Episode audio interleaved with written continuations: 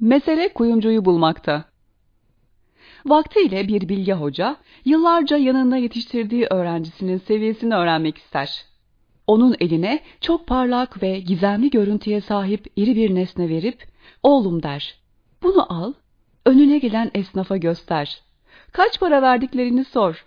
En sonra da kuyumcuya göster. Hiç kimseye satmadan sadece fiyatlarını ve ne dediklerini öğren. Gel bana bildir.'' Öğrenci elindekiyle çevresindeki esnafı gezmeye başlar. İlk önce bir bakkal dükkanına girer ve şunu kaça alırsınız diye sorar. Bakkal parlak bir boncuğa benzettiği nesneyi eline alır, evirir, çevirir, sonra buna bir tek lira veririm, bizim çocuk oynasın der. İkinci olarak bir manifaturacıya girer. O da parlak bir taşa benzettiği nesneye ancak bir beş lira vermeye razı olur.'' Üçüncü defa bir semerciye gider. Semerci nesneye şöyle bir bakar.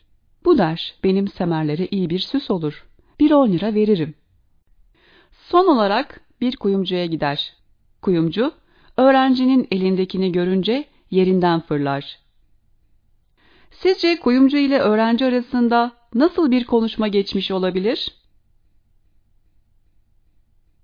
Bu kadar değerli bir pırlantayı mücevheri nereden buldun? diye hayretle bağırır ve hemen ilave eder. Buna kaç lira istiyorsun? Öğrenci sorar. Siz ne veriyorsunuz? Ne istiyorsan veririm. Öğrenci, hayır veremem diye taşı almak için uzanınca kuyumcu yalvarmaya başlar. Ne olur bunu bana satın. Dükkanımı, evimi, hatta arsalarımı vereyim. Öğrenci, emanet olduğunu satmaya yetkili olmadığını ancak fiyat öğrenmesini istediklerini anlatıncaya kadar bir hayli dil döker. Mücevheri alıp kuyumcudan çıkan öğrencinin kafası karma karışıktır. Böylesi karışık düşünceler içinde geri döner.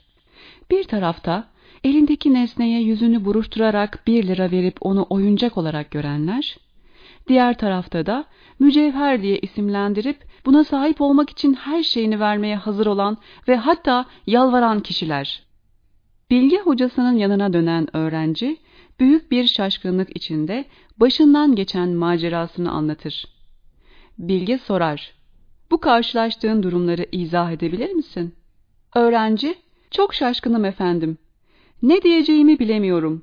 Kafam karma karışık diye cevap verir.